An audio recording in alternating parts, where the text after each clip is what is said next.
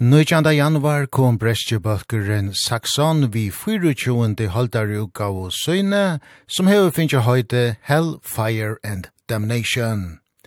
Saxon er undangangu bøkker innan så nevnt og The New Wave of British Heavy Metal bildjena som heier sin opprona fyrst og i 8. jarnom og utgaver som Wheels of Steel, Strong Arm of the Law og The Neem and Letter standa i det som verar innan New Wave of British Heavy Metal, Grønna. Saxon hever sin opprona i Barnsley i 1905 og er opprona mannen kynne er nu bersangaren og åttamæveren Biff Byford etter. Hin upprunalimeren, gitarlegaren Paul Quinn, avgjørte i mars i fjør at han stekk fra Saxon og hosana seg om bøksøyen til Kars og i stegen. Og han er av Hellfire and Damnation, avlaster av Brian Taylor, gitarlegaren og gjennom øren av klassisk New Wave of British Heavy Metal-bakken, nemlig Diamond Head. Vi hava omvegi Zoom finnje åri av ottamannen Biff Byford til a prat om Hellfire and Damnation. Og ta er en velopplagtur 42 ara gammal Byford, vi får åri av stått fyrir jól ui fjör. You are 72 years old now and you've been part of the music business for over 50 years now. What is driving you? Uh, writing albums really, writing songs. We're always trying to write the perfect song or the perfect album. You know, we're always I mean, you know, the albums touring is what gives you the juice, keeps you young at heart. So, um, yeah, just drives me, uh, you know, drives me to write new material all the time. You know, that's the, I think that's the secret. Yeah. You know? And your voice is still very strong. Uh, I don't really do anything with my voice, really.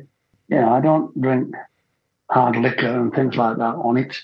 So, you know, if I'm going to if I'm going to have uh, some new or something, I'll mix it with, you know, something else. So I try not to burn my, uh, burn my vocal cords with yeah. things that are too strong. But uh, I don't really do anything now.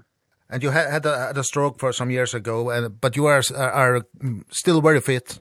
Yeah, I'm pretty good. You know, pretty good. Uh, you know, yeah, keeping it together really. I mean, can't really keep fit over Christmas, mostly eating and drinking, but Uh, yeah, you know, come January, I'll be, uh, I'll be exercising again and get some stamina up there. Hellfire and Damnation byrjar vi The Prophecy, her vid høyra breska sjånlagaran Brian Blest lesa eina iverlysing opp. Og Blest vær at opplagt vel til oppgavuna, heldur åtta maveren ui Saxon Biff Byford. Well, I just thought it'd be nice to do, you know, to explain what the song's about, you know, the battle between good and evil. And uh, it's a bit of an ageist thing, um, you know, doing that. So I thought, yeah, let's bring a bit, bit of an 80s feel to the album. And uh, I'll ask Brian to do the, the prophecy, you know. From the beginning of time, the powers of good and evil have been battling for our souls. A war stretching into eternity, fought between heaven and hell versus dark Is this a myth or is it true? The oldest tale on earth The prophecy of hell, fire and Damnation. The Prophecy, fyrsta sharing av Hellfire and Damnation, nuchi utgavun tja Saxon. Fyrirtjunda utgava torra vertøk, nutjanta janvar. Vi tar då breska sjånlagaran Brian Blest hesa hessa i iverløysingsna. Og i mars i fjør boa i gitarlegaren Paul Quinn fra at han etter 24 år hei avgjort at hega en stekk fra Saxon, og i stegin for å hosana seg om The Cards, hinbaltjen han er pastor av. Hesa avgjør er Biff Byford sjålvande kjettur om, tog kvinn vær saman vi honom, einast i opprunna limeren som var etter i Saxon. Well, we're quite sad, you know. I mean, he has, he has talked about it for a while. It's not, it's not something new that came out of the blue. He has been talking about it, you know. Sort of every, every time we're on the tour, he'll, he'll say, you know, you know, I'm finding it hard or I don't really want to do this anymore. So, um, so yeah, we, we, we were sort of, uh, we weren't surprised that he did it. We were just a little bit surprised that he did it in the middle of the tour. But um, yeah, I mean, yeah, it's, uh, you have to respect his wishes. Uh, but we do miss him, yeah. And is is he done with the Saxon, or can we expect to to see him in in the future? Well, he played he played a couple of things on the new album. Um, Yeah, well, yeah, you can expect to see him. You know, he's still with us, really. Uh, so, you know, if he comes up with some great guitarists, we'll probably write some work, songs with him. Uh, so, yeah, just, uh, you know, maybe he'll have a rest from playing sort of heavy rock, heavy metal, and come back with some great riffs. You never know. Ein av sangen hon av Hellfire and Damnation er personligur fyrir Biff Byford. A Fire and Steel lyser han stalarbeidarnar og luivi i Sheffield og i Shetjarnon ta han som tannaren går vitsai bujen. I used to go to Sheffield. When I was a teenager, I used to go to Sheffield to see the bands, you know. I saw a lot of bands there in, this, in Sheffield City Hall and the pubs. So we used to go, me and my mates used to go to Sheffield every weekend you know, every Friday night, Saturday night, and watch the bands and get drunk, you know, and try to pick up girls. But, uh, yeah, it was just one of the big, big highlights of my early years, you know. Well, it was the 70s, and the thing is, you know, Sheffield was very famous for steel. Uh, so if you were eating with a knife and fork in 1970, you would have probably been eating with Sheffield steel. And, uh, you know, they make, they make some steel for the space shuttle and all sorts of different things. So they're quite famous, Sheffield, for steel. And uh, it's only a little jump from steel to metal, isn't it? So it works pretty well. Yeah.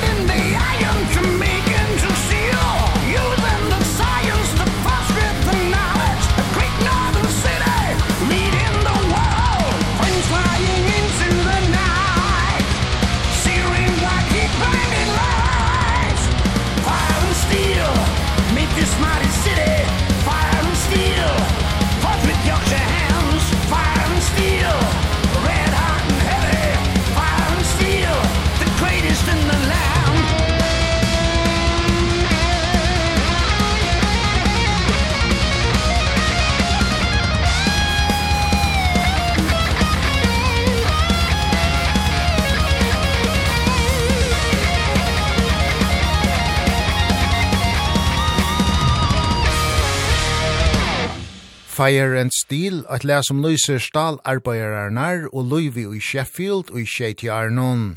Lægi er via Hellfire and Damnation, fyrutjundi utgavene tja breska bøtjenon, Saxon. En utgava møvuløyge vera dokna her 9. januar. Som av nevnt, så avgjørte gitarlegaren Paul Quinn i mars i fjør at han stekk fra Saxon. Nutcher avløsere skulle finnast, og vele fall av trujutrush er gamla Brian Tatler, gitarlegaren i Diamond Head. Og godt vel heldur Biff Byford, og da maveren i Saxon. Paul got COVID, uh, I think it was last year he got COVID, and we were doing a festival. Uh, we didn't really want to let people down, it was like quite close close to it. So we asked Brian to uh, to learn learn some songs. Uh, I mean, Paul worked with him as well to show him some of the riffs and things. Uh, but it, we didn't need him to do it because Paul got got better and he was able to do the show. So Brian already knew a lot of Saxon songs and you know, I'd been working with Paul learning them. So it, it was just the first choice really and he said yes. And as I understand Phil Campbell also was in the picture to be part of the band. I did talk to Phil, but he, he hadn't got time. He said he would stand in for a couple of shows, but we needed somebody that would be available all year. Yeah, so it didn't work out with Phil. And Brian, he has left some fingerprints on the album. As I understand, you wrote some some tracks together. Yeah, I, we did. We had to get a move on because this tour came up with Judas Priest, Uriah Heep, you know, in March, which was wasn't really our time timing we were going to bring the album out uh, maybe uh, in autumn next year but uh yeah we just moved us along a bit and uh asked Brian if he got any ideas uh, old ideas that he hadn't used. And he sent me a few ideas and uh you know I picked out a couple of them uh for the album really because they were great guitarists you know. Yeah. And how how do you describe him as a as a guitar player? He's a great player actually. He's a great player. I mean he's he's stunning for Paul you know he, He plays a great version of Crusader, which is, you know, got a lot of Paul bits in it, but some of Brian's as well. So I don't think people that have seen him have been disappointed with his playing. I think he's uh, stepped up to the mark and uh, he does a good job, actually, you know. En av sangen om Brian Taylor hever vi vitla skriva er Madame Guillotine. That's a Brian's riff, actually. I wrote that with Brian. I mean, Doug wrote the solo backing for that. So it's a three, you know, me, Doug, and Brian wrote that song initially. Yeah, I wanted to do a song about the French Revolution, and that, I find it fascinating, you know, Marie Antoinette being beheaded and, uh, you know, Charles III, whatever he was called. Uh, it, it's, uh, it's, uh, it's an interesting period uh, that in French history, and it's a, it was a crazy time, I think. I think people were a bit crazy, uh, chopping everybody's heads off and it, it turned it, it turned into a bit of an entertainment thing. Yeah. I think uh, later on, uh, people thousands of people would come to watch people be beheaded, and they'd do like you know 10, 12 people a day. So it's a bit crazy, you know, a little bit crazy. They call me the jet I've come to say.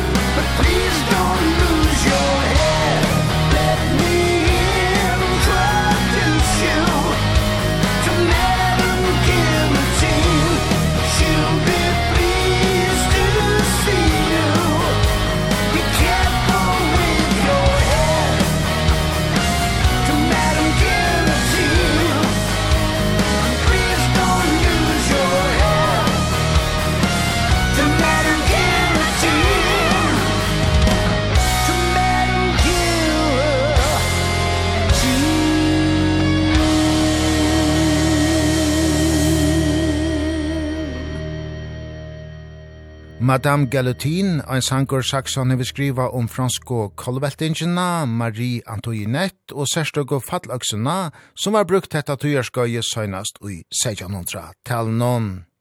Sangeren er vi anutje utgave torra Hellfire and Damnation som var utgiven 19. januar. Største parturen av sangen hon er å skriva gjer, medan Saxon vær av europeiskare konsertfer og i fjør. Og i mittlån konsertnar vant og limener Nuccio Sanchinar i en lai av hun høle og i Tushlande. Og hesen arbeidsatteren rikka i opera vel, heldur Biff Byford. Pretty good actually. I mean I've got lots of ideas for lyrics and melodies and things.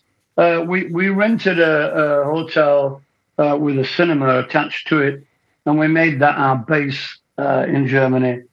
Uh, don't ask me where it was. I can't I can't uh, pronounce the word. It's just a small village, really, like a town with a small cinema. And we use the cinema to rehearse in and to write in.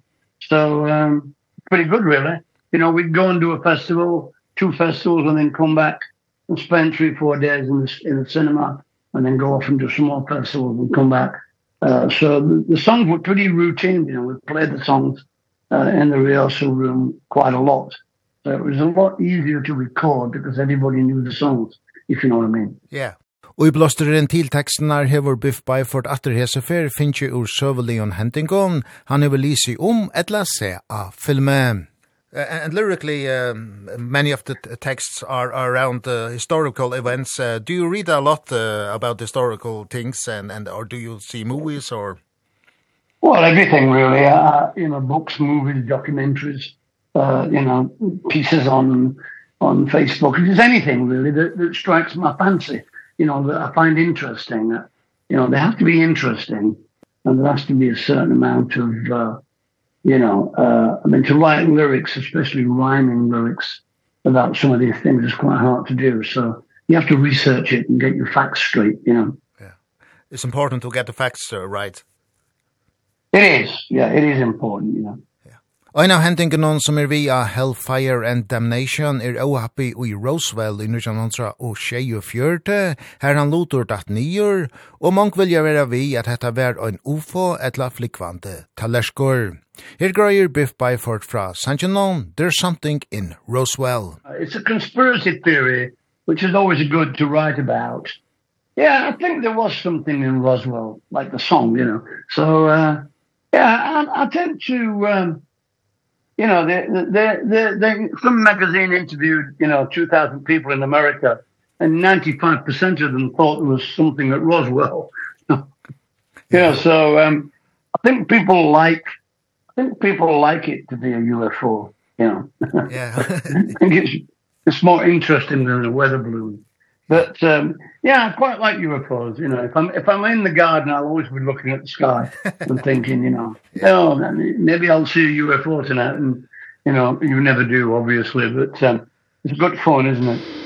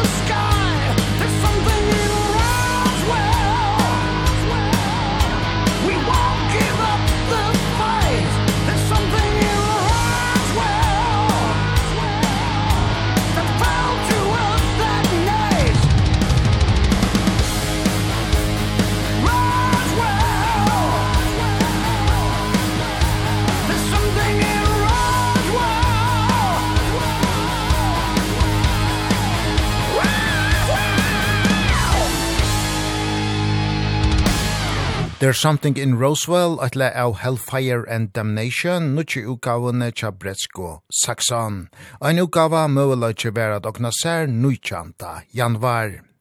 Heta er 24. studieutgavan tja Saxon og Biff Byford ser ein av Samun eis nukki utgavene og taimon 23 undanfarno. Well, it's just, it's different songs first, obviously, and uh, it's a different uh, set of songs. The album's got a different feel to it because of that.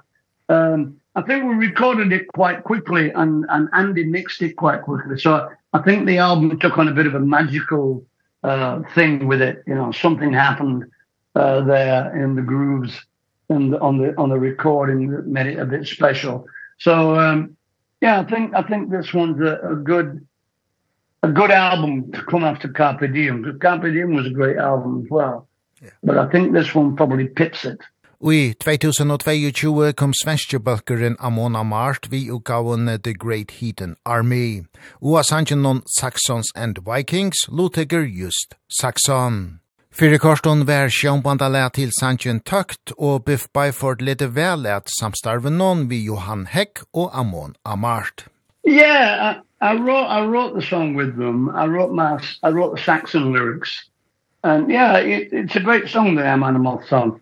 Uh so I thought, well, if I can write about the Saxon Viking, maybe I can write about you know the next thing that came along which was the Saxons and the Normans, you know. So uh it's a good story I think 1066. And how was it to work with with the Amon Amart? Uh, good, they're good guys. I mean, I mean, Johan signed uh, sang on a song called Predator with us on the, uh, the, the Inner Sanctum album. So I have worked with Johan before. Yeah, they're good guys, you know, they're, they're, they're nice, they're friendly guys. They're big fans of, uh, big fans of Saxon and big fans of the 80s bands, you know. I suppose they were brought up with the 80s music in their houses, their family probably played it, you know, so they probably, uh, you know, they probably had breakfast listening to Wheels of Steel, 747, breaking the law, you know, all those sort of early, those early 80s big hits, you know.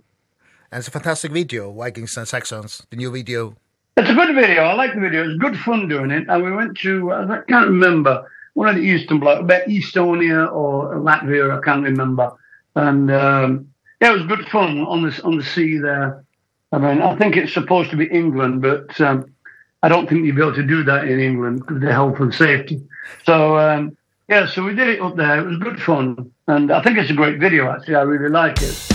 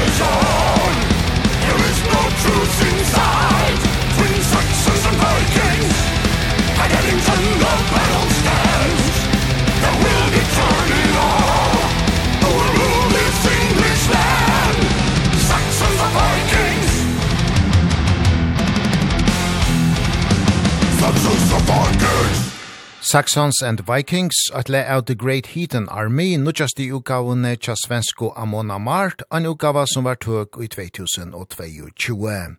Som Jessa Sankara har du vi gesten ui kvöld, Biff Byford, Sankaran ui Saxon. Og i sanjanon høyra vit om krutsi mittle norrlensko vikinganar og bresko angolistanar. Krutsi vera snivitjørsta nutsi utgavene tja Saxon, Hellfire and Damnation. Alenon 1036 høyra vid om slæje vi Hastings ui 1036.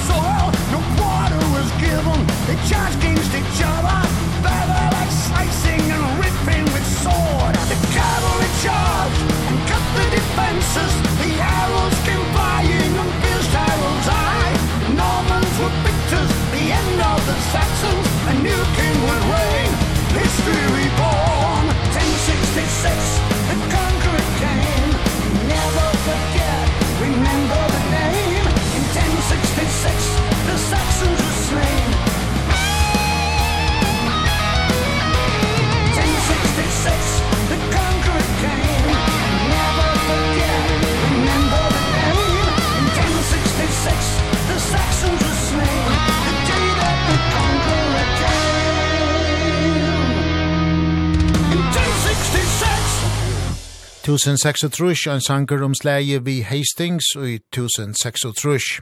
Sankeren er via Hellfire and Damnation, nutje utgavene tja Saxon. 24. utgava torra vertøk, nutjanta januar. Ta er Andy Sneap som hever framløyt Hellfire and Damnation, og etter 5. utgavan tja Saxon, nekv umpetne framløyaren hever stegi 4 og Snip hever gjort at vela arbeid hverja fer, helde gesteren ui kvöld, Biff Byford. Well, he's great. I mean, he's a great engineer first. And he, understands, he understands metal music, uh, definitely. I think he's probably the best, the best producer at the moment in the business for, for that. He did the Amon Amopa album, he did Judas Priest, he did Saxon. He works with Accept as well you know, he's got some good project coming. The thing is with Andy, he just doesn't work with anybody. I think he has to like the band to work with them. So, um, yeah, I mean, he's done, done, a, done a great job. I mean, this album sounds, actually sounds excellent. Probably the best sounding uh, Saxon album ever.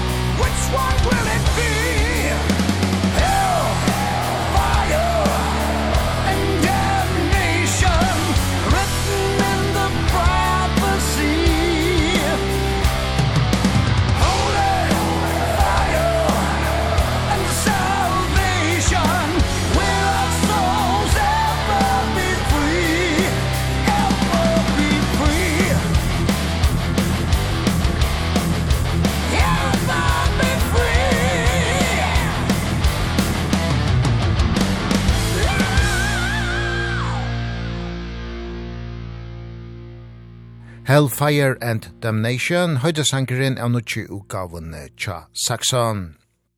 Hetta er 24. utgavan tja Bresko Heavy Rockarnon søgjane stånanina i 1975, og 55, og fjóra utgava torra søgnast og troi årene. Og ta er en årsøk til produktiviteten, grøyer Biff Byford fra. Uh, uh, the band need to keep working, need to keep earning money, you know, the guys in the band like it, you know, especially um, especially working Christmas and things. So, you know, the crew all need to be, uh, you know, paid and things. So it's just a big revolving business, really. And it, it has to, uh, it has to keep going and maintain everybody's, uh, you know, way of life, really. So I think that's the same with every band, whether it be, you know, Saxon, Judas Priest, Kiss, or any, any band, you know, that there's a huge uh, amount of people that are involved in it and, uh, you know, making a living from it, if you know what I mean. Og hese nekvo falkin skulle kjøtt og i arbeidshanskannar attor, tog om stutta tøy for saksan av amerikanska konsert for saman vi Uriah Heep, og i sommar er det at har europeiske festivalaner som er av skronne. Yeah, yeah, festivals in Europe, they're, they're still coming in the festivals, so we're not finished yet with the festivals. I mean, we're doing, uh, we're doing some big shows, uh, you know, big headline shows on the festival as well. So, um, yeah, and maybe we'll come back uh, into Europe in November and do some more shows, really. That would be good. And starting working on a new album? We're already, I'm already compiling ideas for the new album, for a new album. Uh, but not really, uh, not really seriously, just, you know, I have a few ideas that I've jotted down on aeroplanes and in hotel rooms while we, were, while we were touring South America uh, last month. So yeah, you know, you're always thinking about new songs and new albums.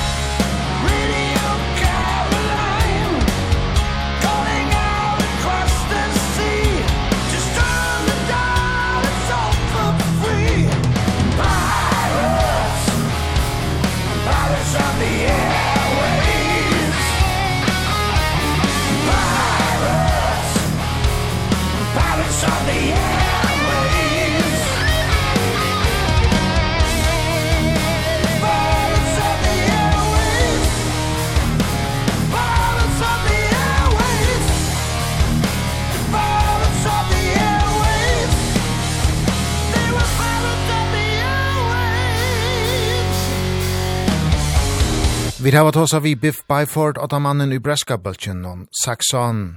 Vi pratar vi om nutje ugav torra Hellfire and Damnation, som er den 24.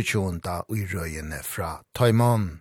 Vi spalte oisne eisne fleste løyene av ugavene, og nu til seinast har du vid Pirates of the Airwaves.